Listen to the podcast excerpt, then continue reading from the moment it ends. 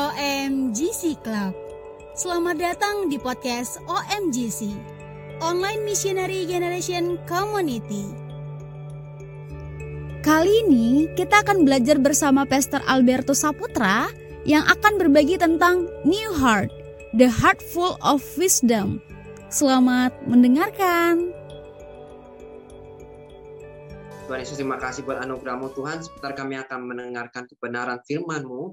Kami percaya Tuhan, berikan kami pencerahan, berikan kami revelation, sehingga Tuhan kami boleh mengerti akan kebenaran-Mu. Mari berbicara dalam setiap hidup dan hati kami dengan bahasa yang paling mudah kami mengerti ya Tuhan. Karena kami percaya bahwa kebenaran yang kami ketahui akan memerdekakan hidup setiap kami. Ubah sudut pandang kami yang mungkin keliru atau salah, dan hari ini Tuhan kami akan punya cara pandang yang benar tentang hubungan, membangun hubungan dengan Tuhan. Terima kasih Tuhan. Di dalam nama Tuhan Yesus dan yang bersama katakan amin, amin, amin, amin. Shalom semuanya. Wow. Mari kita berikan apresiasi. Iya, berikan apresiasi buat teman-teman yang melayani yuk. Wah, buat MC-nya yang keren, buat tim praise and worship, tentunya para leaders yang luar biasa di OMGC. Yuk kita berikan tepuk tangan buat mereka ya, tepuk tangan digital ya. Waduh, luar biasa. Um, thank you very much. Terima kasih banyak sudah memberikan kesempatan, kehormatan buat saya untuk uh, membagikan ya sedikit uh, kebenaran Tuhan pada hari ini saya berharap tentunya ini akan menolong teman-teman semua. Dan hari ini mungkin sepertinya, wah, eh, temanya kok susah banget ya. Wah, the heart of full wisdom. Ya, bicara soal new heart, hati yang baru. Tenang aja teman-teman, ini tidak sesulit seperti apa yang teman-teman bayangkan. Kayaknya kok apa namanya complicated banget ya. Apa susah banget untuk dimengerti. Tenang aja ya. Ini nggak nggak susah itu. Ya. Tapi sama-sama kita akan belajar tentunya dari orang judulnya juga wisdom, bijaksanaan. Nah, hari ini kita mau juga tentunya mau belajar sama tokoh di Alkitab yang memang hikmatnya luar biasa. Ya, siapa itu? Sudah jelas ya, namanya Salomo. Tentunya sampai dikagumi oleh berbagai macam bangsa ya, negara lain sampai kagum dengan hikmahnya Salomo. Mereka berbondong-bondong pengen lihat Salomo. Kita pengen belajar dulu kisah awal mulanya bagaimana dia mendapatkan uh, namanya uh, hikmat ya kebijaksanaan.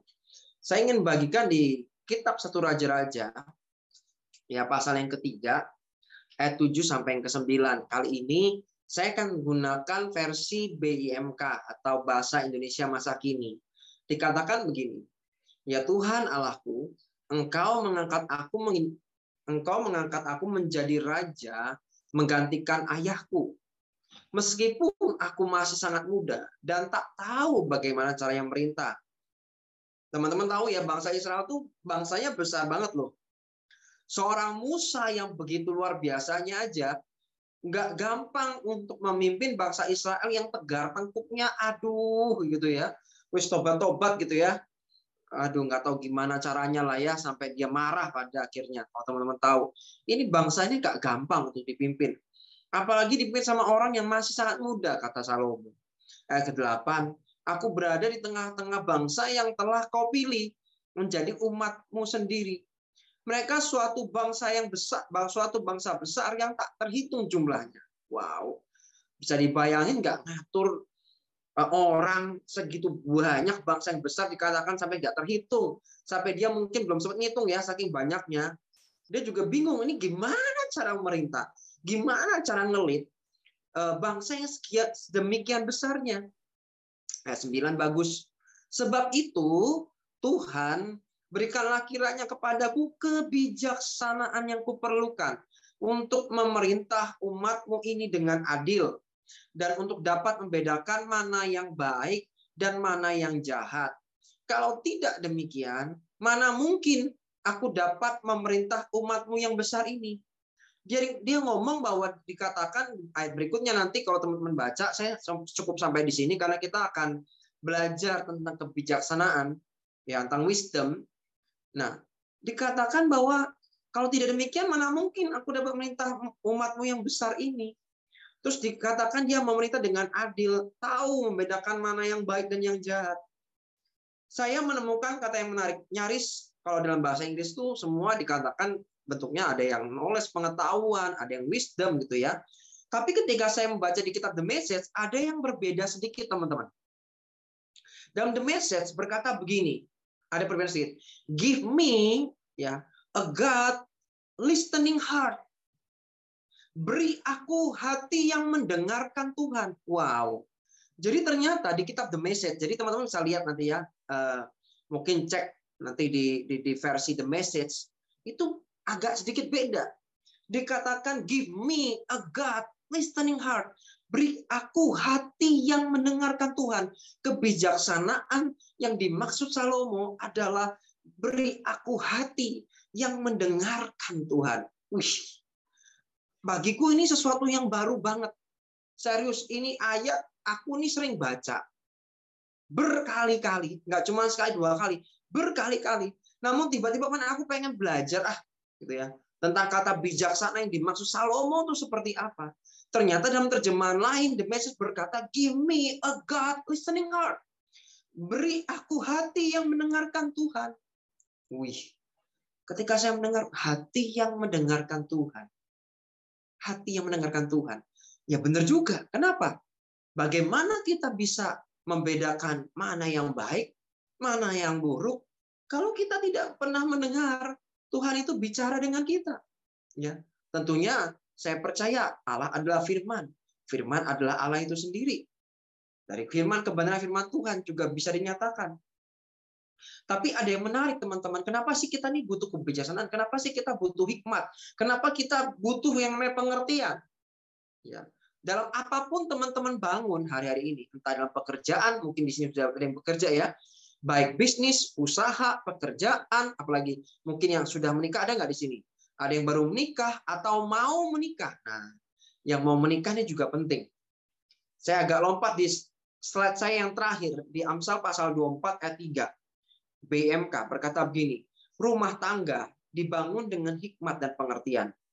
Versi New King James berkata, through wisdom, a house is built. Ya. And by understanding, it is established.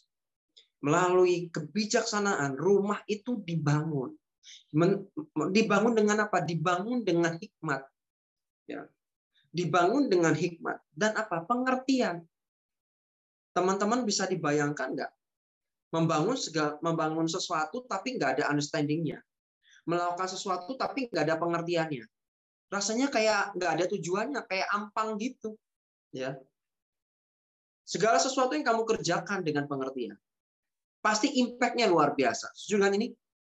Kalau teman-teman melakukan sesuatu tapi nggak ada tujuannya, nggak ada pengertiannya, kenapa sih saya melakukan ini? Suatu one suatu hari kelak, teman-teman bisa lelah, bisa capek. Karena teman-teman melakukan ini tanpa adanya understanding, tanpa adanya pengertian. Contoh, kenapa sih teman-teman harus membangun saat teduh? Ya, tiap hari punya waktu untuk saat teduh, sate gitu ya, untuk berdoa, baca firman, menyediakan waktu khusus di sana. Kalau teman-teman nggak punya understanding, nggak punya pengertian, maka itu kamu lakukan hanya sekedar suatu rutinitas dan kewajiban.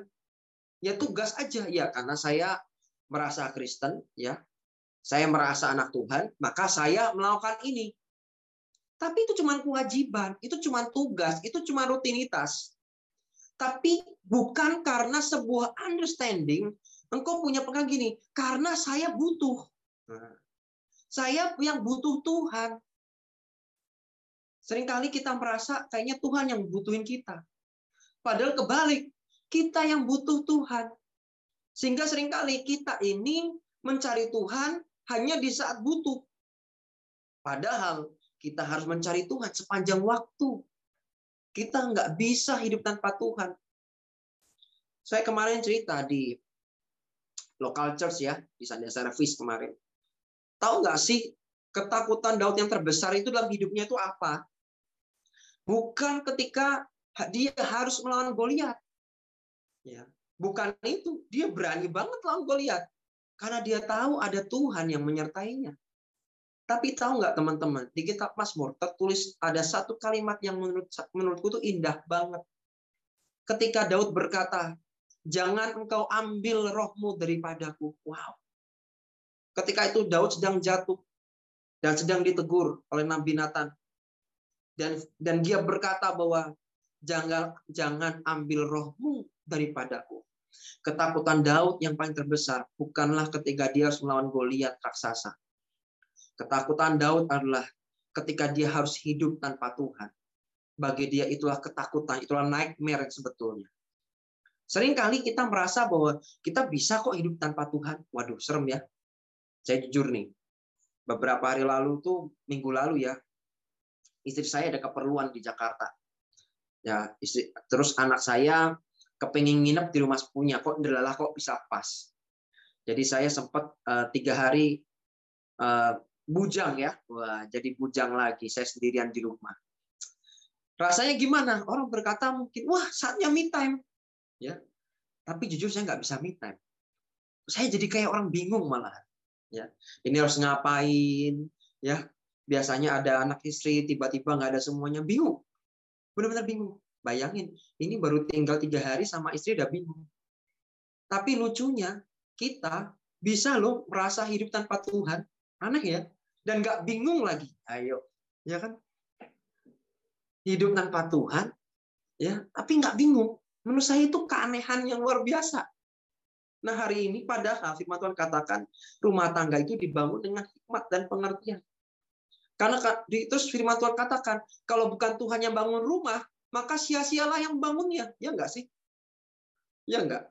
Nah, ini menurut saya ada ada ada korelasinya dengan kita harus punya hati yang mendengarkan Tuhan, ya. Mendengarkan suara Tuhan.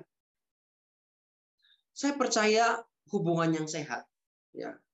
Bagaimana sih mendengarkan apa hati kita bisa mendengarkan suara Tuhan? Bahkan kita mendengarkan suara Tuhan. Saya percaya hubungan yang sehat selalu datang dari dua arah dan bukan satu arah. Setuju ya? Contoh, siapa di sini yang pernah pacaran atau sudah atau lagi pacaran? Ayo. Yang, sedang ya atau sudah atau pernah. Nah, takutnya nanti habis putus dengan habis putus dengan pacarnya. Aduh, nanti bahaya ya. Tiba-tiba baper di sini nanti nggak lucu. Nah, lucu kan tiba-tiba gini cuman modelnya satu arah ya. Cuma modelnya satu arah aja ya. Cuma satu arah doang. Jadi yang cewek misalnya memperhatikan cowok terus cowoknya nggak peduli kayak cuek banget ya. Pokoknya ya wis pokoknya aku udah melakukan yang penting udah aku asik sendiri aku kerja sendiri pokoknya aku kuliah sendiri asik sendiri. Nah tapi nggak pernah nanya pasangannya. Enak nggak gitu? Sehat nggak gitu? Ya nggak dong. Hubungan sehat selalu datang dari dua arah dan bukan satu arah. Apa asiknya kalau cuma satu arah doang? Nah, itu tapi kita nggak sadar. Kita dengan Tuhan, nah ini benar nih bertepuk sebelah tangan. Kita ini sering nggak sadar hubungan kita dengan Tuhan cuma satu arah. Sadar nggak banyak yang cuma satu arah aja? Kapan terakhir teman-teman berkata begini sama Tuhan? Kalian nggak cuma curhat aja sama Tuhan, tapi kalian juga pengen dengar curhatnya Tuhan. Pernah nggak begitu dibalik? Tuhan, apa sih yang ada di pikiranmu? Apa sih yang ada di hatimu untuk hidupku ke depan? Ya kan? Pernah nggak sih teman-teman biasanya berdoanya kan eh, minta Tuhan tolong, minta Tuhan beri sesuatu. Pernah nggak dibalik Tuhan, apa ya yang aku bisa berikan buat Tuhan? Selama ini aku sudah banyak diberi Tuhan. Tuhan banyak sudah menolong aku. Pernah nggak dalam hubungan seperti itu, teman-teman punya pemikiran, apa yang bisa aku berikan buat Tuhan? Ya kan? Yang namanya cinta, nggak mungkin dong tidak memberi. Ada gitu cowok di sini, ya, sama ceweknya, aku sayang kamu. Waduh. Nah, aku cinta kamu. Terus ya udah. Cuman mau dalam omongan doang. Nah, yang cewek percaya gitu bahwa itu cinta? I don't think so lah. Ya, di mana ada Cinta di situ ada perbuatannya dong. Masa cuma cintanya doang, ya kan? Cuma kata-kata, ya kan? Kata-kata tanpa perbuatan kan kosong, ya. Yang namanya kita ngomong kita cinta sama Tuhan, tentunya ada hal yang kita lakukan. Nggak mungkin enggak. Ya. Tidak mungkin tidak. Pasti kita melakukan itu. Jadi sering kali kita tuh melakukan hubungan cuma satu arah. Dan hubungan yang sehat, ini dia, penting nih. Dimulai dari mau mendengarkan, bukan sekedar mau dengarkan. Tahu nggak teman-teman, selama fokus kita nih cuma me, I, ya kan? Cuman me, I, me, I, me, I gitu ya. Cuman saya, aku, me, I ya. Kalau fokusnya di situ terus, hanya kepentingan diri, kita tidak akan pernah bisa mendengar Tuhan itu ngomong apa buat kita. Dia mau bicara apa dalam hidup kita yang nggak bakal kedengeran. Kenapa? Karena fokusnya adalah kita ini pengen selalu didengarkan. Pernah nggak teman-teman ketika ngobrol sama orang, terus yang bersangkutan itu yang yang, yang teman yang diajak ngobrol itu ngomongin terus tentang dirinya. Nah, cerita terus tentang dirinya. Lama-lama sebel nggak? Ayo. Lama-lama sebel nggak sih? garing banget sih ini orang gitu kan ini kapan nih? Aku juga pengen cerita aku juga pengen ngomong. Tapi karena ini yang yang diajak ngomongnya dominan terus ngomong terus. Kita nggak punya kesempatan untuk bicara. Apakah itu hubungannya yang sehat? Ya kan? Apa menurut saya hubungan yang sehat itu dimulai dari kita mau mendengarkan dan bukan sekedar kita mau dengarkan aja. Sama-sama saling mendengar. Nah jadi selama kita ini berfokus kepada kepentingan sendiri, kita nggak akan pernah bisa mendengarkan orang lain. Kunci mendengarkan orang lain atau kunci untuk mendengar Tuhan berbicara dalam kehidupan kita. Tuhan itu berbicara dalam kehidupan kita tuh banyak cara ya teman-teman ya. Melalui peristiwa bisa nggak? Bisa. Melalui masalah yang teman-teman hadapi bisa nggak? Bisa banget. Tantangan yang teman hadapi bisa nggak? Oh bisa sekali. Melalui firman Tuhan bisa nggak? Bisa. Melalui OMGC bisa nggak? Bisa. Sandia Service bisa nggak? Bisa. Bisa semuanya. Nah, mimpi bisa nggak? Bisa. Jadi semuanya tuh bisa, teman-teman. Ya. Asal kita punya telinga mau mendengar. Nggak cuma fokusnya kepada kepentingan diri kita sendiri, tapi kita juga ingin belajar mendahulukan kepentingannya Tuhan itu apa. Sama seperti Salomo, saya percaya ini permintaan yang menyenangkan Tuhan, makanya Tuhan kasih. Tuhan kasih hikmat. Ya. Kenapa? Karena Salomo nggak minta untuk, untuk kepentingan dirinya, tapi untuk kepentingan bangsa yang dia mau pimpin. Jadi kembali soal berdoa. Ya, karena berdoa itu kan membangun hubungan ya. Berdoa itu bukan sekedar menyampaikan informasi, tetapi saling menyampaikan dan mendengar curahan hati. Ya, kalau cuma berdoa itu cuma menyampaikan informasi, Tuhan hari ini uh, tadi aku baik-baik saja dan yang lain. Cuma informasi-informasi berupa informasi apalagi doa syafaatnya rutinitas dan itu itu tuh aja gitu ya. Ya masa sih kamu jatuh cinta sama orang tapi ngomongnya itu terus ya? Ya apakah itu cinta? Gitu masa nggak ada sesuatu yang baru something new gitu ya? Padahal kasih Tuhan tuh selalu baru tiap pagi. Cintanya Tuhan tuh baru Masa kita kasih yang lama-lama terus gitu ya? Jadi ayo dibalik yuk. Aku pengen kita bagaimana sih kita mendapatkan wisdom, hati yang penuh dengan wisdom. Ya caranya kita harus bisa mendengarkan Tuhan bicara dalam hidup kita. Tidak sekedar ingin dimengerti, tapi mau mengerti. Aku percaya ini bagi anak muda ini sulit ya. Ngerti orang itu, waduh ini butuh proses ya butuh pergumulan. Ya memang, ya kalau memang ini mudah, mas semua orang juga bisa. ya. Maka dari itu kita ini memang butuh untuk mengandalkan Tuhan. Kita butuh Roh Kudus supaya kita dimampukan belajar mau ngerti orang, nggak cuma pengen dimengerti. Kamu harus ngerti aku dong. Nah terus kamu belajar kapan? Pengen ngerti orang, ya. Jangan cuma uh, pengen dimengerti. Aku kan memang begini. Waduh, apalagi cuma minta dimaklumi aja nggak mau berubah lagi. Wah, gawat dah. Ya kan? Saya emang dulu seperti ini. Lah, terus mau berubah nggak? Ya, saya seperti ini. Waduh, bahaya kalau udah begitu. Nah, lanjut. Terus bagaimana ya? Kenapa kok uh, kita bicara soal new heart? Ya, teman-teman harus tahu untuk kita ini punya full of wisdom, wih, untuk punya kebijaksanaan, hikmat, pengertian, perlu ada sesuatu yang baru. Apa yang baru? Hatinya juga harus baru. Teman-teman bisa bayangin nggak kalau hati kita sedang tercemar, ya, hati kita ini penuh dengan kepahitan, penuh dengan kecewaan. Itu hikmat yang dikasih bisa jadi berubah, ya, bisa bisa jadi memanipulasi orang, ya, bisa kita ini jadi berubah eh, manipulator, jangan yang afiliator juga ya, afiliator sama penipuan juga sama aja deh, ya. Nah, jadi pinter nggak orang-orang seperti ya pinter, bukan itu kan orang bukan orang-orang bodoh, itu orang smart, itu orang pintar. Tapi perlu ada hati yang baru. Untuk apa sih? Untuk supaya kamu bisa mengelola hikmatmu, bisa mengelola kebijaksanaan yang Tuhan kasih. Yuk kita baca Yesaya 36 ayat 26. Terjemahan baru berkata begini. Dikatakan kamu akan kuberikan hati yang baru.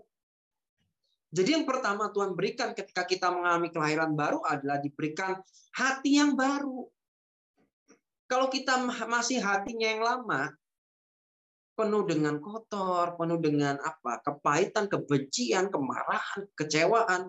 Kalau hikmat dikasih kamu, kebijaksanaan dikasih kamu, nanti nggak berkembang, ya. Justru akan menghancurkan kamu. Dan dikatakan nggak cuma hati yang baru, tapi juga dikatakan dan roh yang baru dalam batin. Dan aku akan menjauhkan dari tubuhmu hati yang keras dan aku berikan kepadamu hati yang taat. Teman-teman tahu nggak? Firman Tuhan katakan roh itu penurut. Betul ya? Tetapi daging lemah. Ini sering kali dijadikan sebuah alasan ya. Jadikan sebuah alasan untuk kita tuh ya kalau jatuh dalam dosa ya emang daging saya lemah waduh alasannya kok rohani banget ya padahal tuh nggak rohani banget asli ya padahal Tuhan sudah memberikan roh yang baru di dalam batinmu. Kenapa sih kita diberikan roh yang baru? Teman-teman tahu nggak bahwa kita tuh kan menyembah Allah dalam roh dan kebenaran. Ingat Allah itu adalah roh. Kita bisa connect ya kalau connectnya dengan roh juga kita nggak bisa apa ya connect dengan Allah dengan Tuhan tapi menggunakan daging kita ya nggak bisa ya kan roh itu harus temu dengan roh Nggak bisa ketemu flash begini, kedagingan begini. Ini daging ini berbahaya. Kenapa daging harus disangkali? Karena kalau daging kita nggak pernah disangkali, kalau kita nggak pernah pikul salib, ya roh kita ini nggak susah untuk connect dengan Tuhan susah. Ya, bagaimana kita bisa hidup dalam berkemenangan? Ya, saya punya dua, eh, eh saya punya satu contoh. Saya punya dua anjing, yang pertama anjing yang baik dan anjing yang jahat. Pertanyaannya, kalau berantem, yang menang yang mana? Nah, beberapa mungkin berkata anjing yang jahat pasti menang. Ya sebenarnya ya enggak juga. Ada yang ngomong, wah anjing yang baik bisa menang. Jawabannya bukan bukan yang seperti itu. Yang menang adalah yang diberi makan tuannya. Itu yang menang. Kalau anjing yang baik kamu kasih makan, wah kemarin habis lihat di YouTube tuh ada pitbull itu berotot ya. Waduh, pitbull itu udah berotot, tapi saya melihat lebih berotot lagi. Wah serem amat nih. Ya kan kayak manusia aja. Itu otot di kakinya tuh gede-gede semua tuh sampai merengkel-merengkel semua. Wah ini pasti nutrisinya pasti bagus, ya kan? Kalau anjing seperti ini dikasih makan banyak, anjing yang baik dimakan banyak, otomatis ketika dia berantem, anjing yang jahatnya nggak dikasih makan, ya anjing jahat pasti kalah. Sama.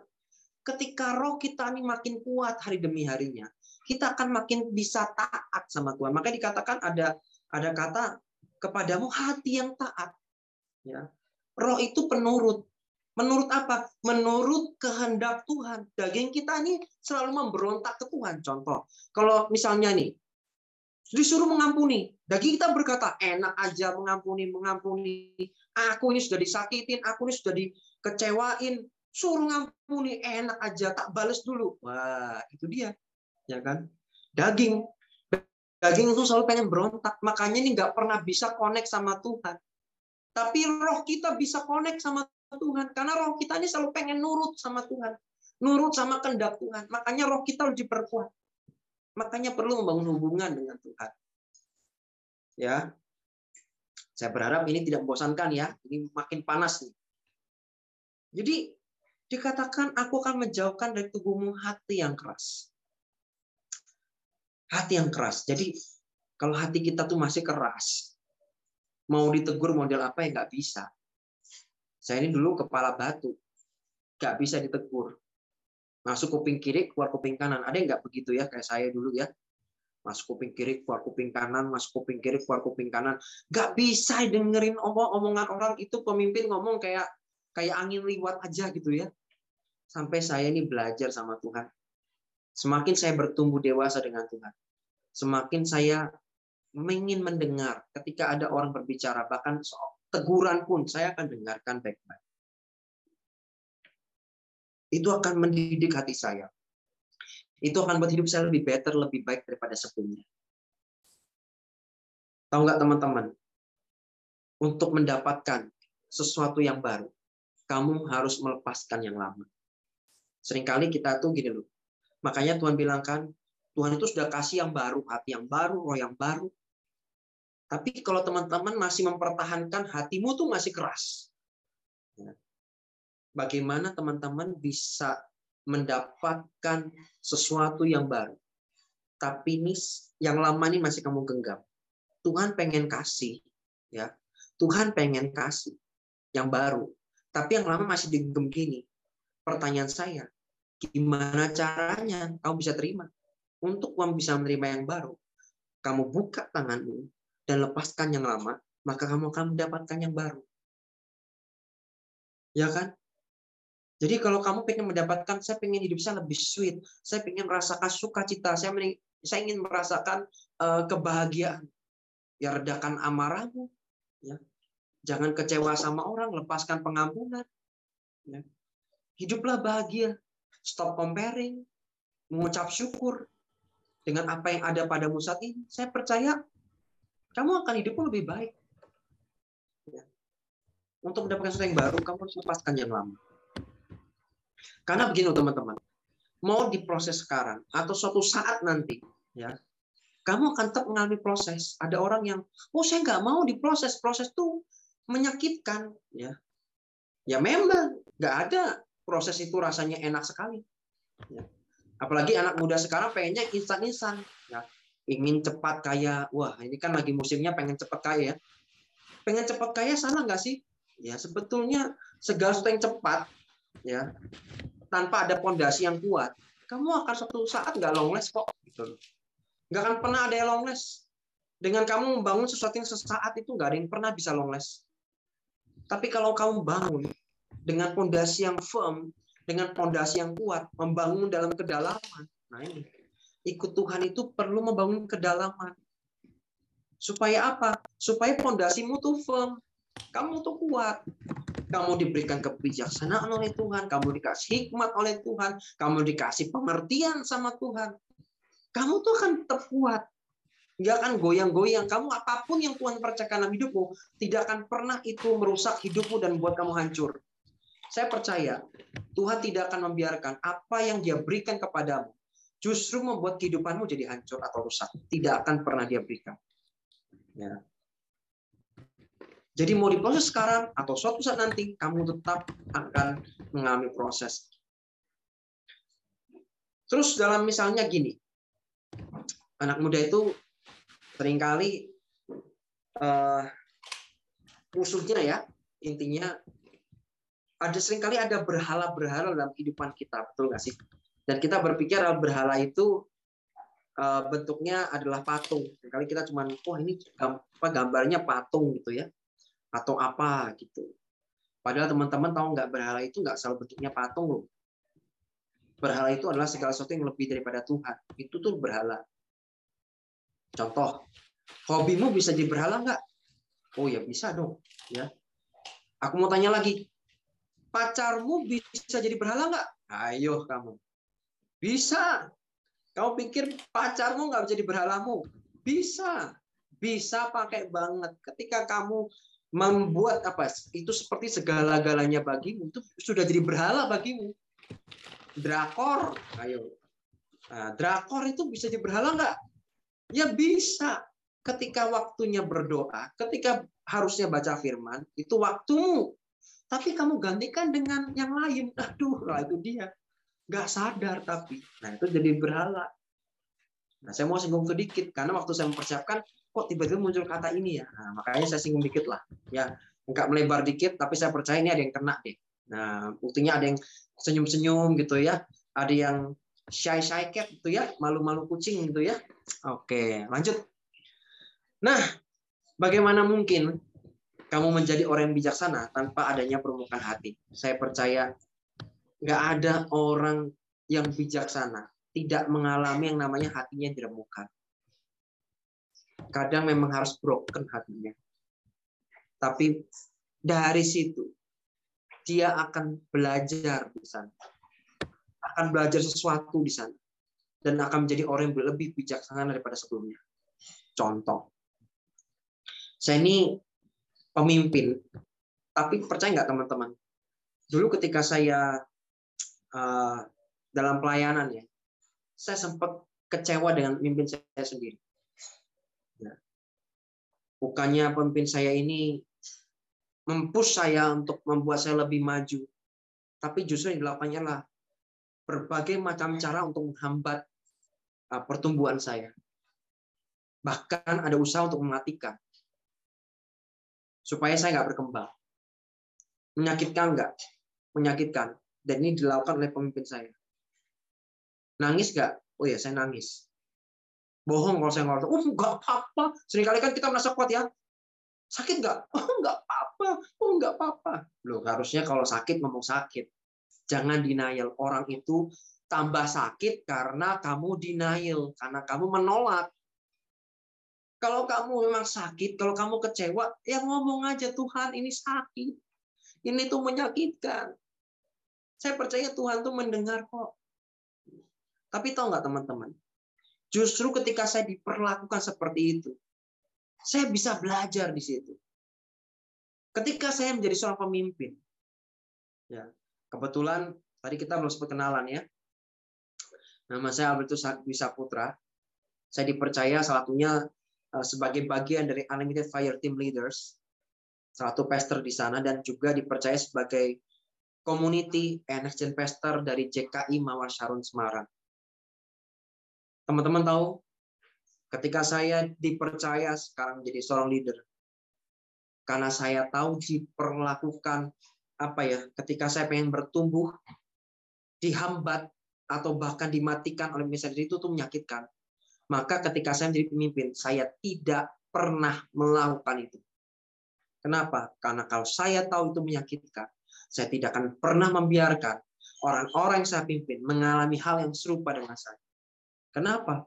Karena saya sudah sembuh. Karena saya sudah pulih. Mungkin kalau hati saya penuh dengan kecewaan, penuh dengan marah, penuh dengan kebencian, ya mungkin saya nggak akan pernah jadi orang yang pemimpin yang bijaksana. Ya, nggak mungkin saya punya level pengertian saya sampai seperti itu. Kalau saya tidak pernah mengalami perempuan hati.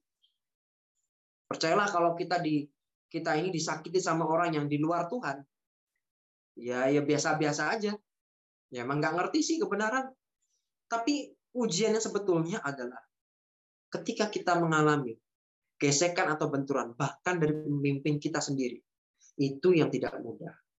Dibutuhkan respon yang benar. Tetap tunduk, tetap submit dan tidak berontak. Itu tidak mudah. Tapi saya belajar untuk membiarkan hidup saya diremukan Tuhan. Karena saya percaya orang yang direndahkan pada akhirnya Tuhan akan meninggikan pada waktunya. Dan itu terbukti. Hari ini semuanya terbukti. Saya mengalami itu. Karena orang luar biasa selalu dibentuk dengan cara yang tidak biasa. Seringkali kalau ditanya, siapa yang menjadi orang luar biasa? Maka semuanya berkata, saya pengen jadi luar biasa. Eh, tapi ingin jadi orang luar biasa, dibentuknya pun dengan cara yang nggak biasa nggak mungkin dengan cara yang biasa-biasa. Seringkali kita berkata, udahlah caranya, ya aku nih pengen luar biasa, tapi caranya yang enak, yang nyaman. Oh ya mohon maaf, nggak ada. Ya nggak ada. Ya mohon maaf aja sih. Nggak ada rumus itu. Ya, orang luar biasa selalu dibentuk dengan cara yang tidak biasa. biasa. Dan saya tadi mencantumkan ayat ya, Matius 26 ayat 1. Nah ini penting sekali ya, supaya berjaga-jagalah dan berdoalah Dikatakan supaya kamu jangan jatuh dalam pencobaan. roh memang penurut, tetapi daging lemah. Tadi kita sudah bahas di awal. Bagian kita sekarang adalah, ayo mari bersekutu dengan Tuhan. Ayo membangun hubungan dengan Tuhan. Dan dengarkan suaranya. Ya, dengarkan suaranya. Markus pasal 4 sekarang. Ayat 33 sampai 34 versi bahasa Indonesia masa kini. Berkata begini, begitulah Yesus mengajar orang dengan orang dengan menggunakan banyak perumpamaan seperti itu sejauh mereka dapat mengerti. Yesus selalu memakai perumpamaan kalau ia mengajar orang-orang itu. Tetapi kalau ia sendiri dengan pengikut-pengikutnya, ia menjelaskan semuanya kepada mereka. Teman-teman tahu nggak? Yesus menjelaskan semuanya. Details. Itu kepada orang yang dekat dengan dia. Untuk orang banyak, dia cuma ngomong soal perumpamaan-perumpamaan. Dia nggak pernah menjelaskan details. Nah, masalahnya kita itu yang mana? Itu kita itu yang mana? Saya percaya teman-teman sini punya sahabat ya, betul ya? Punya sahabat nggak teman-teman? Punya ya? Coba sahabatmu nggak mungkin dong, cuman ngomongnya cuman apa ya? Permukaan doang. Wah, cuman basa-basi gitu ya. Ngomong cuman basa-basi gitu. Halo, apa kabar? Terus cuman gitu doang gitu. Ya nggak mungkin dong kalau benar sahabat. Seringkali dia akan mencurahkan hatinya, dia akan mencurahkan pikirannya, mencurahkan apa yang dia rasakan. Betul nggak sih? Itu sahabat. Karena dekat. Tapi kalau orang jauh, ya nggak mungkin dong masa kita mencurahkan hati dan pikiran kepada orang yang jauh? Ya nggak mungkin. Sama. Bagaimana hubungan kita dengan Tuhan saat ini? Ya. Semakin kamu bisa dekat dan intim dengan Tuhan, kamu makin details. Ya. Kamu makin tahu, oh ternyata rencana tujuan Tuhan buat hidup saya seperti ini, makin details. Ya. Makin details. Saya percaya satu hal, melalui firman ini, apa sih kita bisa dapatkan? Tuhan itu berbicara kepada kita. Perhatikan baik-baik. Sesuai dengan pengertian kita masing-masing. Ya kan? Sesuai dengan pengertian kita masing-masing kita masing-masing punya uh, level understanding berbeda, level pengertian yang berbeda-beda. Contoh, anak-anak 0 sampai 5 tahun atau sampai 6 tahun. Mereka itu menangkap kesan, bukan pesan. Menangkap kesan, tahu kesan ya? Kesan, bukan pesan. Jadi orang tuh ngomong apa gitu, belum tuh dia ngerti. Ya, tapi dia bisa menangkap kesan. Nah, tapi semakin orang dewasa, bukan kesan lagi yang dipakai, tapi pesan apa yang disampaikan. Semakin dewasa, bertumbuh dewasa, maka biasanya kita bisa ajak untuk berbicara dari hati ke hati. Tentunya dengan pengertian kita masing-masing. Tuhan berbicara sesuai dengan tingkat pengalaman dan kedewasaan kita juga. Ya semua kita punya pengalaman, punya tingkat pengalaman bersama dengan Tuhan, punya perjalanannya masing-masing dengan Tuhan. Makanya saya percaya, bagaimana sih membangun hubungan pribadi dengan Tuhan? Membangun hubungan pribadi dengan Tuhan itu tidak bisa diajarkan. Nggak bisa. Karena sifatnya memang pribadi. Masing-masing orang punya tingkat pengalaman yang berbeda, punya perjalanan yang berbeda dengan Tuhan. Dan kedewasannya juga masing-masing berbeda. Tentunya anak saya yang sekarang yang dengan dulu Shalom yang dulu saya punya anak perempuan anak kelas 3 SD tentunya Shalom yang sekarang dengan Shalom yang waktu TK dulu ya beda cara ngomongnya ya kalau sekarang dia bisa uh, sharing lebih ya kayak kemarin dia cerita uh, kenapa sih kita nggak boleh membalas orang yang berbuat jahat sama kita ya jadi dia cerita temannya itu ada yang dijahatin terus tanya sama anak-anak saya gitu ya Shalom, ini aku perlu balas nggak ya? Ini si ini jahat sama aku. Ya puji Tuhan, anakku berkata, oh jangan balas. Wah mantap, ya kan? Anakku ngomong nggak jangan balas. Terus dia tanya, pih kenapa sih jangan balas? Di situ saya ngomong, kasih pengertian sesuai dengan level pengertiannya dia. Nggak ngomong panjang-panjang, wah menurut bahasa Ibrani-nya begini begini, wah ngapain ribet, nggak mudeng tuh anak, ya kan? Tapi saya bisa ngomong gini, kalau kalau kamu berbuat jahat, Terus kamu bedanya sama dia apa? Oh iya bener ya. Nah, jadi level pengertiannya cuma cukup gitu aja dia ngerti. Nggak usah panjang lebar, panjang kali lebar kali tinggi. Cukup gitu aja ngerti. Sama juga dengan Tuhan. Tuhan bicara dengan kita sangat spesifik sama lain. Amin. Dan jangan berkata, mungkin kamu berkata gini, wah Tuhan, saya nggak pernah dengar suara Tuhan. Nah ini dia. Jangan berkata Tuhan tidak pernah berbicara. Di saat Alkitab yang kita punya dibiarkan tertutup itu ya selama Alkitabmu nggak pernah kau baca, jangan pernah bilang Tuhan nggak pernah ngomong. Alkitabnya aja nggak pernah dibaca. Oh saya baca. Kapan? Waktu saya servis, widih. Atau di OMGC misalnya. Baru saya baca. Ya gimana bisa dengar suara Tuhan? Ya kan? Ini jadi tertutup semua kok. Nah, pesan saya terakhir nih. Habis ini kita masuk uh, Q&A biar tambah seru. Don't let the noise of the world keep you from hearing the voice of the Lord. Jangan biarkan kebisingan dari dunia menghalangi kita mendengar suara dan arahan Tuhan. Teman-teman tahu nggak di luar sana itu berisik banget tahu nggak? Berisik banget. Bahkan kita punya teman-teman juga berisik juga. Udah toksik. Ditambahin mungkin ada yang beberapa yang gaslighting gitu ya. Ada yang gaslighting lah, apalah kalau sekarang kan macam-macam ya ada gas lighting padahal ada gastritis juga sih. Nah, gastritis asam lambung ya, bukan bukan itu ya. Uh, bukan yang lain. Tapi maksud saya adalah ini tuh dunia tuh udah berisik banget. Kenapa sih nggak punya waktu untuk tenang? Punya waktu untuk teduh. Kenapa disebut saat teduh? Yang namanya saat teduh itu nggak terburu-buru teman-teman. Ya, nggak kayak dikejar-kejar apa gitu ya. Baca Alkitab ngebut kayak Neng, neng. Wah, sudah baca berapa pasal? Uh, saya sudah baca 10 pasal. Widih. Ya kan? Nggak cuman bacanya banyak-banyak kan teman-teman. Kalau baca Alkitab udah kayak MotoGP gitu ya. Saya juga kan lihat di TV eh, dari atas gitu ya, ada yang story gitu kan. Bung, bung, bung. Lihatnya apa? Ya kayak orang lihat kelibetan aja gitu ya. Ya kayak orang kelibetan, bung, bung, bung. Lihat apa? Iya nggak tahu gitu lihat apa. Iya kalau Marquez yang Marquez nggak ikut ya. Iya kalau si Quartaro yang lewat. Bagaimana kalau yang lain lewat? Yang cepat banget, ya kan? Lihat dari mana kamu? Kok bisa tahu? Nah, sama. Ketika kita saat teduh, ya jangan buru-buru dong. Santai aja. Namanya juga saat teduh. Namanya juga saat teduh. Artinya nggak terburu-buru. Santai, tenang, ya kan? Punya waktu khusus Bukan waktu yang diselip-selipin. Waktu kalau waktu yang diselip-selipin namanya mah bukan saat teduh lagi. Ya. Saat teduh itu adalah waktu yang benar-benar kamu sengaja. Kamu meneduhkan diri. Kamu perlu untuk rest. Saya percaya tempat terbaik untuk kamu beristirahat adalah di dalam hadirat Tuhan. Karena ketika kamu berada dalam hadirat Tuhan, kamu mendapatkan kekuatan yang baru.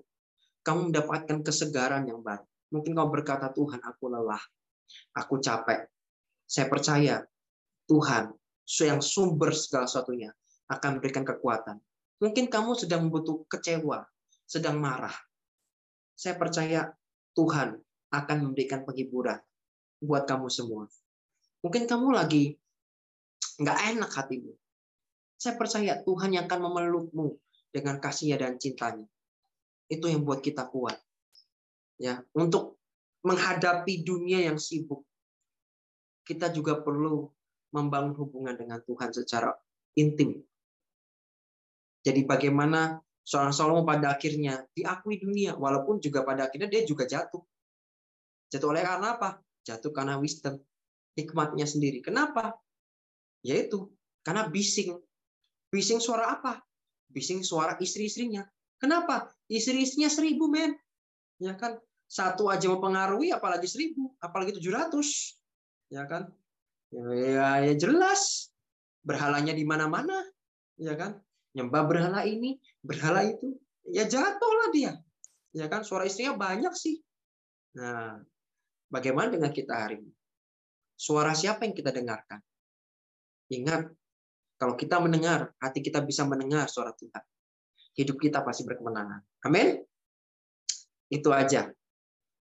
Ya, silakan host. Oke. Okay. Oke. Okay.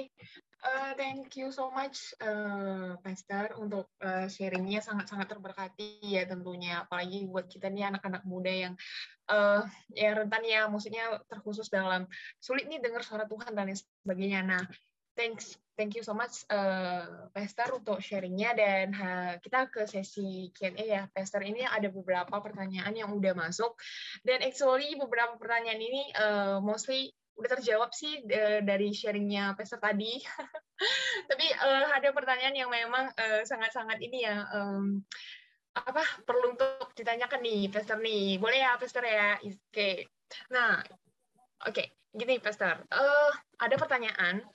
Ini konteksnya dalam uh, lingkungan kerja ya Pastor ya. Jadi pertanyaan seperti ini, bagaimana jika leader kita itu adalah orang yang tidak kenal Tuhan, gitu. Tapi mereka sering menemukan uh, hati kita. Bagaimana sih kita meresponi hal tersebut? Gimana nih, Pastor?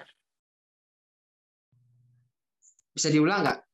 Pemimpin kita okay. tidak mengenal Tuhan, terus? Terus, Tapi terus, terus, leader kita ini leader kita ini sering menemukan hati kita. Nah, bagaimana kita orang percaya yang udah kenal Tuhan untuk meresponi hal tersebut? Kalau menurut Pastor sendiri seperti apa? Ya, tentunya apalagi ini pemimpinnya tidak mengenal Tuhan ya. Kalau ya. menemukan hati kita sebetulnya sih responnya gimana?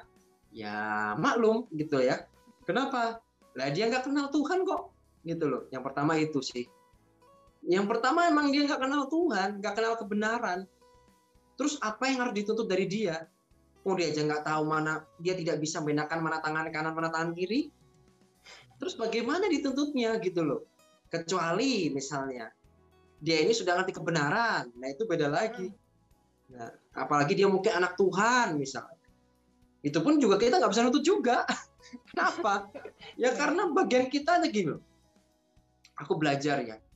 Daripada kita responku kalau aku jadi uh, yang bersangkutan, aku akan berusaha uh, membangun jembatan dengan pemimpin. Itu pasti. Hmm. Aku berusaha untuk membangun jembatan dulu. Aku berusaha untuk membangun hubungan, entah mungkin di luar jam kerja, mungkin bisa hangout bareng atau bagaimana, entah ngopi bareng atau bagaimana. Hanya sekedar untuk aku pengen ngerti bagaimana sih dia pola pikirnya, cara berpikirnya, sudut pandangnya, gitu ya. Kadang tuh gini loh, ketika terjadi perbedaan sudut pandang, ya otomatis nanti ekspektasinya juga pasti beda, apanya juga beda semuanya. Ya, pasti beda. Cara berpikirnya, oh ketika dia menemukan masalah seperti ini, kenapa kok dia dia bertindak seperti ini gitu ya. Nah, itu perlu kita apa ya? Kita perlu pelajari pemimpin seperti ini. Dia nih sudut pandangnya bagaimana ya? Karena sering kali kita tuh cuma memakai sepatu kita. Kita nggak pernah pakai sepatunya dia, kita cuma pakai sepatunya kita Kenapa kita nggak coba untuk coba deh, aku tak pakai sepatunya dia gitu loh. Nah, ini benar. Kenal sama Papi Yesus. Gimana caranya? Nah, ini dia. Ya bangun jembatan dong. Biarkan dia kenal kamu. Respon bagaimana? Tetap hormat. Honor. Kalau kamu bisa hormat sama pemimpin yang meremukan hati, saya percaya lama-lama juga pasti leleh gitu ya nggak tahu kapan, apalagi kamu berdoa. Saya percaya sampai hari ini doa itu tetap sangat besar kuasanya. Dan itu ya dan amin. Apalagi kamu doakan dia, ya. Kamu doakan dia sungguh-sungguh. Percaya deh. Kita nggak pernah tahu. Suatu hari kelak pemimpin kita tuh malah percaya Tuhan tuh kita nggak pernah tahu. Ya. All things are possible with God segala sesuatu mungkin bagi Tuhan. Mungkin orang, wah nggak mungkin orang begini bisa bertobat. Eh, jangan gitu. Orang begini nggak mungkin bisa berubah. Eh, jangan gitu. Ya. Si Radit, almarhum Pastor Radit pernah ngomong, jangan pernah ngasih titik kalau Tuhan masih taruh tanda koma di sana. Ya. Bisa berubah nggak? Bisa. Yuk bangunlah jembatan. Ya. Bangunlah hubungan. Cobalah dikenali. Nah, terus bagaimana kalau sampai nggak cocok juga? Ini dia. Ya kalau nggak cocok ya kita bisa berpikir ya, berpikirnya gini. Ya nggak mungkin dong masa pemimpin kita yang punya suruh keluar kan nggak mungkin ya, nggak mungkin dong gitu loh masa pemimpinnya karena kamu pemimpin yang nggak baik sana kamu keluar oh ya nggak mungkin ya kan mau nggak mau ya dia pemimpin dan kita ini kan uh, yang bekerja di bawahnya. Ya kalau ada pandangan yang lain, kenapa tidak? Ya menjadi membuat kita juga lebih baik. Cuma pesanku satu, jangan sampai keluar karena kecewa, karena kepahitan. Karena kalau kamu nggak menang di situ, percuma nanti kamu keluar, nanti nemuin masalah yang sama lagi. Artinya kamu memang belum menang di situ. Saya ketemu orang yang kurang lebih sama tuh pindah dua tiga kali gitu terus. Ya kenapa? Karena masalahnya sama aja. Selalu ketanggurnya itu terus. Kenapa? Ya karena kamu belum menang-menang. Saya bilang sama dia, kali ini harus menang. Izinkan Tuhan memproses. Tahu nggak teman-teman? Tuhan itu bisa memproses kamu ya melalui semua orang loh. Termasuk pemimpin kamu yang meremukan hatimu itu bisa nggak? Oh ya bisa banget. Tuhan itu bisa pakai semua orang, siapa pun untuk mendidik kita ini loh. Ya. Untuk mendidik kita, untuk membentuk kita, ya kan? Bukankah kita ini kan segam, diciptakan segambar serupa dengan Tuhan kan? Baru se-image, baru segambar, tapi ingat dalamnya belum. Yaitu karakternya belum, ya enggak? Gambar nih, wah gambarnya gambar Yesus, luarnya. Dalamnya ya belum karakternya masih karakter kita. Terus bagaimana supaya menjadi serupa karakternya seperti Kristus? Ya izinkan Tuhan bentuk. Melalui model-model seperti ini, termasuk menurut saya. Jadi relakan hatimu. Ya. Ayo bergumul dengan Tuhan. Saya percaya semuanya pasti ada jalan keluarnya. Dengan Tuhan pasti bisa kamu menang. Ini masalahnya kamu rela atau enggak, kamu tuh dibentuk.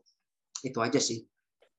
Oke, okay, sip. Thank you so much, uh, Pastor. Jadi ya kita lebih ini ya memberikan hati kita untuk ya rela gitu ya dan tentunya yes. tetap respect dan uh, tetap berdoa untuk orang-orang yang mungkin yeah. menyakiti kita gitu. Karena pada akhirnya yes. memang Tuhan pasti memproses kita melalui orang itu. Thank you so much, Betul. Pastor. Dan uh, ini ada pertanyaan lagi. Yes. Uh, Pastor, um, bagaimana sih caranya kita sebagai anak muda itu membedakan mana sih suara Tuhan dan mana suara uh, suara hati kita. Karena apalagi nih Pastor ya, kalau di masa-masa terendah itu ya, atau apalagi kalau kita dalam pergumulan, itu tuh rasanya sulit banget ya. Ya ampun, ini mana sih suara Tuhan dan uh, ini suara hati saya atau gimana? Nah, menurut Pastor sendiri itu bagaimana? Ya ini bagus ya. Tata ambil satu lagi, sama yang jatuh cinta. Nah itu sulit. Ya kan. Biasanya orang lagi jatuh cinta tuh semuanya sudah berdoa belum? Sudah. Waduh, yakin bener. Dapatnya apa? Wah, damai sejahtera. Wih, biasanya begitu. Nah, padahal ini emosinya, perasaannya lagi main di sana ya, sehingga sulit untuk iya. bedakan. Biasanya kalau saya, eh, bagaimana sih membedakan ini suara Tuhan atau suara, suara hati kita sendiri? Nah, ini makanya butuh pengalaman, butuh perjalanan. Kita tuh gini loh, eh, untuk mengenal seseorang, yang nggak mungkin daun dalam sehari, uh, saya kenal dia utuh, ya nggak mungkin kenal kita bisa kenal itu kan jalannya kan day by day hari demi hari. Kita belajar untuk kenal dia. Oh ternyata saya salah. Oh ya. Oh yang ini benar oh yang ini salah. Wajar gitu loh teman-teman. Ya. Jangan takut salah. Ya. Kalau takut salah ya nggak belajar apa-apa nanti. Wah nanti takut salah saya. Nah makanya libatkan pemimpin. Itu penting. Ya. Apalagi kamu hendak memutuskan sesuatu dan itu urgent buat hidup kamu. Ya kamu sudah berdoa dan kamu dapat sesuatu. Yuk coba libatkan pemimpinmu, libatkan leadermu. Supaya apa sih? Supaya mengkonfirmasi apa yang kamu dapatkan. Jangan sampai ini seakan-akan, uh, yakin saya ini yakin. Ini saya cerita ya pengalaman saya dengan istri saya ya. Jadi ketika saya ini kan sempat single tujuh tahun ya. Saya nggak ngomong saya jomblo loh, saya single. Beda. Ya. Saya single. Saya single sempat tujuh tahun. Terus akhirnya eh, apa ya? Saya memang dapat memang ini pacar yang sekarang jadi istri saya itu ya memang jodoh saya. Nah, ternyata juga sama. Dia juga dapatnya gitu. Jadi ketika kami berdoa dan yang lain memang kami dapat itu. Terus eh, waktu saya menyatakan apa ya komitmen, saya nggak ngomong, eh kamu jadi pacar saya, enggak. Kamu jadi calon istri saya. Kemudian juga dia ngomong juga, saya juga cari cari calon suami. Gitu. Terus ketika kami berjalan, tiba-tiba itu begitu banyak orang yang dapat sesuatu. Jadi bahkan saudaranya dia di Jakarta, cicitnya dia di Jakarta, tiba-tiba calling. Waktu dia berdoa dia dapat bahwa ini memang jodoh. Gitu. Gak ngerti apa-apa kan? Cicinya nggak ngerti bahwa kami pacaran dan yang nggak ngerti. Terus juga di sekitar saya pun juga ada beberapa orang yang saya tahu juga ngomongnya sama. Eh ini jodoh. Jadi bukan saya ngomong terus saya declare mana, oh ini jodoh saya, nggak gitu. Saya diem dulu dan biarkan apa ya orang-orang mengkonfirmasi. Makanya tuh nggak bisa sendirian teman-teman. Kenapa teman-teman butuh komunitas? Bahaya loh teman-teman kalau teman-teman berjalan sendiri itu berbahaya. Siapa yang akan menyatakan bahwa ini benar, ini salah, ya. Jadi butuh komunitas yang benar, butuh komunitas yang sehat, butuh pemimpin. Kalau enggak, bahaya. Ya, kita akan jadi domba yang terhilang beneran, jadi domba yang tersesat beneran karena itu. Saya sudah melihat banyak orang terhilang bahkan tersesat. Kenapa? Karena pengen jadi Superman. Nah ini dia. Padahal Superman aja nggak sendirian. Ada Aquaman, ya kan? Ada Flash, ada Batman. Ternyata Superman aja nggak sendirian, teman-teman. Yang katanya ini orang manusia super. Ya. Jadi jangan pernah sendirian melibatkan komunitas, libatkan pemimpin. Ya, tetapi tetapi tetap terus berjalan karena Tuhan hari demi hari. Coba dengarkan, salah nggak apa-apa, belajar lagi. Terus seperti itu. Lama-lama teman-teman peka sendiri sih. Dan pastinya ingat perkataan Tuhan tidak pernah lebih dari apa yang dia katakan di firman Tuhan. Tidak akan pernah nyimpang dari firman Tuhan. Never. Ya. Jadi eh, kalau nyeleneh-nyeleneh gitu ya, di firman Tuhan nggak ada gitu ya, ya sudah pasti lah ya udahlah gitu. Karena perkataan Tuhan tidak pernah mungkin menyimpang dari firman Tuhan. Karena Allah ada firman, firman adalah Allah. Makanya saya dorong teman-teman, bagaimana mendengar suara Tuhan? Baca firman. Ya, baca firman. Itu kamu sudah mendengar suara Tuhan. Itu sih, mudah-mudahan menolong ya. ya tipsnya ya. Ya, Thank you, uh, Pastor. Sangat-sangat ini ya, sangat-sangat jadi reminder juga tentunya buat kita uh, yang ada di sini ya. Uh, istilahnya kita jangan terlalu uh, apa namanya terlalu mendengarkan dunia tapi ya balik lagi kehidupan kita back to Bible gitu ya. Mendengarkan apa yang menjadi uh, perintahnya Tuhan. And for the last uh, Pastor untuk pertanyaannya bagaimana sih ya tanda-tanda uh, kita itu memiliki uh, hikmat dari Tuhan gitu? Bagaimana sih uh, tanda-tandanya kita memiliki full of wisdom itu uh, Pastor? Ya. tanda-tandanya ya. Pernah nggak teman-teman gini? Ketika teman-teman sedang ada teman curhat, aku pakai pakai pakai yang sederhana-sederhana aja ya. Ketika ada teman curhat misalnya, teman-teman tuh bisa teman-teman tadinya nggak ngerti, ya teman-teman tadinya nggak ngerti nih, tapi tiba-tiba kayak kok muncul kayak di pikiran tuh ada sesuatu yang disingkapkan gitu. Pernah nggak? Pernah nggak? Pernah ngalamin nggak? Ada nggak? Pernah ada yang pernah ngalamin gitu? Tiba-tiba ada sesuatu yang disingkapkan. Nah ini itu hikmat bukan? Iya itu hikmat ya. Terus ada eh, orang-orang uh, butuh eh, sedang mengalami masalah ya. Sedang mengalami pergumulan. Teman-teman juga belum pernah ngalamin itu. Tapi tiba-tiba kok kayak kamu tuh dapat solusinya gitu loh. Dapat solusinya dapat hikmat Tuhan kayak jawabannya ini gitu loh. Solusinya ini. Itu juga hikmat. Jadi Tanda-tandanya kurang lebih seperti yang yang kejadian sehari ya. Itu yang pada umumnya pada umumnya orang-orang sering mengalami itu di situ. Contoh nih, saya itu pernah ya. Jadi ngobrol-ngobrol-ngobrol-ngobrol-ngobrol, lama-lama kok kayak di hati tuh muncul kayak coba dong tanyain keluarganya. Ketika saya coba tanya keluarganya, baru hanya soal keluarga, eh nangis. Nggak dia apain kok nangis. Kenapa? Karena ternyata memang dia sedang bermasalah dengan keluarganya. Itu hikmat bukan? Itu hikmat. Contoh lagi ya. Uh, suatu kali nih ada anak muda datang ke aku. terus dia cerita tentang pacarnya. Eh aku aku udah bisa dapat sesuatu loh. Bahwa dia ini sudah melakukan. Karena aku nggak ngerti. Kecuali saya aku ngerti ya. Wah, udah dapat in, apa? Sudah dapat informasi dari intelijen. Waduh. Udah dapat informasi intelijen tuh beda lagi. Itu berdasarkan data. Ini kan nggak bukan pakai data. Tapi benar-benar yang ini dia sudah melakukan. Terus aku tanya, kamu jatuh ya? Gitu. Jadi aku mulai giring pertanyaannya tuh ke arah situ. Dan ternyata memang diakui. Justru sudah keterikatan. Nah, itu hikmat bukan?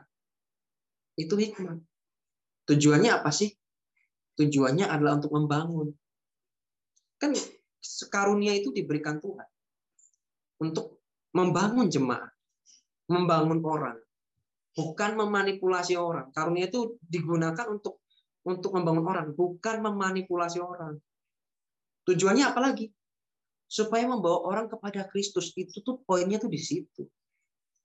Di mana kabar baik bisa diberitakan. Ya kan? Justru ketika dia kena di situ. Oh, kok ini orang bisa tahu ya apa yang ku alami. Dia buka hidupnya dan di situlah kabar baik diberitakan. Saya sering kali bahkan ya pernah nggak teman-teman sampai supir online ya supir online ini nggak ada angin, nggak ada hujan. Tiba-tiba saya dapat sesuatu di di mobil itu. Tiba-tiba dia bisa cerita tentang dia sedang bermasalah dengan istrinya. Dia hampir cerai dengan istrinya. Dan akhir-akhirnya apa? Konseling. Pak, bisa nggak saya ketemu lagi? Ya antar saya dulu. Nah, bisa nggak Pak? Kapan-kapan saya konseling? Nah, boleh. Temu saya di sini ya. Is oke. Okay. Kapan pun saya mau. Jadi bisa sampai seperti itu. Apakah saya kenal dengan Pak Supir ini? Oh ya nggak kenal lah. Kenal apa saya? Saya nggak kenal apa-apa. Tapi dengan karunia seperti itu, dengan wisdom, itu bisa membawa orang yang belum kenal Tuhan, belum kenal Kristus, bisa dibawa kepada Kristus.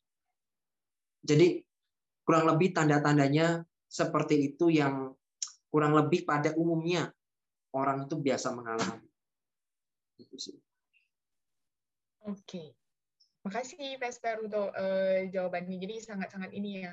Uh, mungkin teman-teman tadi udah ada catat nih ya jawabannya. Jadi nanti bisa dibaca lagi, bisa direnungkan dan tentunya uh, boleh diaplikasikan kayak gitu. Thank you uh, Vesper untuk pertanyaannya. Uh, untuk jawaban dari pertanyaan-pertanyaan yang ada sangat-sangat terberkati juga tentunya dan uh, Vesper boleh dong uh, beri kita closing statement tentang sharing ini mungkin ada pesan-pesan yang Pastor mau sampaikan. Dan setelah itu nanti boleh bawa kita dalam doa ya Pastor. Thank you. Yes. Oke. Okay. Closing statement saya begini sih. Bagaimana kita bisa hati kita bisa penuh dengan wisdom, ya full of wisdom. Caranya cuma satu. Kita punya new heart, hati yang baru. Hati kita perlu baru dulu. Ya, perlu diperbarui dulu jangan menggunakan hati yang lama penuh dengan kecewaan. Saya ulangi lagi, kita tidak bisa menerima sesuatu yang Tuhan mau kasih, sesuatu yang ilahi. Tapi kita masih bawa kedagingan kita, masih membawa semua yang kotor-kotor itu dibawa. Teman-teman pernah lihat apa ya? Uh, air airnya terus ada kotorannya di sana, ya itu, itu tetap aja tetap, itu tetap kotor walaupun walaupun itu apa gitu ya mau minum juga kan males ya Kenapa? Sudah tercemar sih. Ya. Yang dari Tuhan tuh kudus. Itu sifatnya ilahi. Kita nggak bisa mencemarkan dengan hati kita yang masih lama, yang masih kotor itu. Jadi bersihkan hatimu. Ya. Bahkan Paulus berkata sunat hati. Ya, bukan sunat secara fisik aja, tapi sunat hati. Hati kita perlu sunat. Itu perlu dibersihkan dari kotoran-kotoran. Supaya apa sih? Supaya kita siap menerima yang terbaik dari Tuhan dan jadi saluran berkatnya Tuhan. Itu aja sih yang mungkin bisa aku bagikan kalian ya. Jadi kalau hari ini Tuhan sedang membentuk hatimu, cuma satu pesanku, direlakan. Ya, relakan hatimu. Izinkan Tuhan proses. Nanti ujungnya gimana ya? Ujungnya pasti indah. Mungkin hari ini kamu belum bisa lihat. Sama seperti aku dulu nggak bisa ngelihat. Tapi sekarang aku bisa berkata begini, ternyata ya, yang aku alami, tidak ada apa-apanya dengan kemuliaan yang Tuhan nyatakan saat ini. Aku bilang, yang aku alami itu nggak ada artinya sama sekali. Serius. Mungkin kamu berkata, ih ngomong apaan sih? Ya karena kamu belum tahu dan belum mengalami. Tapi kalau kamu besok, hari ini, kamu mulai merelakan dirimu, suatu saat kamu akan berkata, terima kasih Tuhan. Mungkin kalau aku nggak dibentuk seperti ini, aku tidak akan pernah jadi aku yang sekarang ini. Jadi itu aja. Ya, semoga ini jadi berkat buat kalian semuanya. Mari kita berdoa ya. Tuhan terima kasih buat anugerahmu Tuhan. Hambamu selesai menyampaikan kebenaran firmanmu, menyampaikan pesan-pesanmu. Hamba selesai. Tapi aku percaya Tuhan, Tuhan belum selesai dengan hidup teman-teman yang ada di sini semua. Tuhan, terus pimpin hidup mereka, tuntun hidup mereka. Dan kalau ada di antara mereka sekarang sedang bergumul Tuhan, sedang mengalami masa-masa yang tidak mudah, sedang mengalami masa pembentukan. Tuhan biar hari ini mereka belajar untuk merelakan hatinya. Merelakan hatinya. Dan tidak ada yang denial. Dan tidak ada yang menolak. Karena kami tahu Tuhan kita kami menolak rasa sakit itu Tuhan, maka rasa sakit itu akan semakin menyakitkan kami semua. Hari ini kami mau rilis Hari ini kami mau rilis Tuhan. Kami melepaskan segala kekecewaan kami, kemarahan kami, kepahitan kami Tuhan. Kami melepaskan. Kami tidak membiarkan hati kami tercemar Tuhan. Tapi kami juga melepaskan pengampunan kepada mereka yang berbuat salah dengan kami. Kami blessing mereka, kami berkati mereka. Terima kasih Tuhan, terima kasih Tuhan. Blessing buat setiap teman-teman yang join pada hari ini. Di dalam nama Tuhan Yesus, berkat yang terbaik turun di dalam nama Tuhan Yesus yang berdoa ucap syukur. Yang bisa katakan, Amin. Wow, keren banget ya pembahasan hari ini tentang New Heart, the heart full of wisdom. Di mana kita belajar hati baru yang penuh kebijaksanaan itu bersumber dari Allah saja. Kami berharap teman-teman terberkati dengan sharing hari ini. And be bold and persevere to grow in unity. Bye bye. OMGC. OMGC. OMGC Club. Online Missionary Generation Community.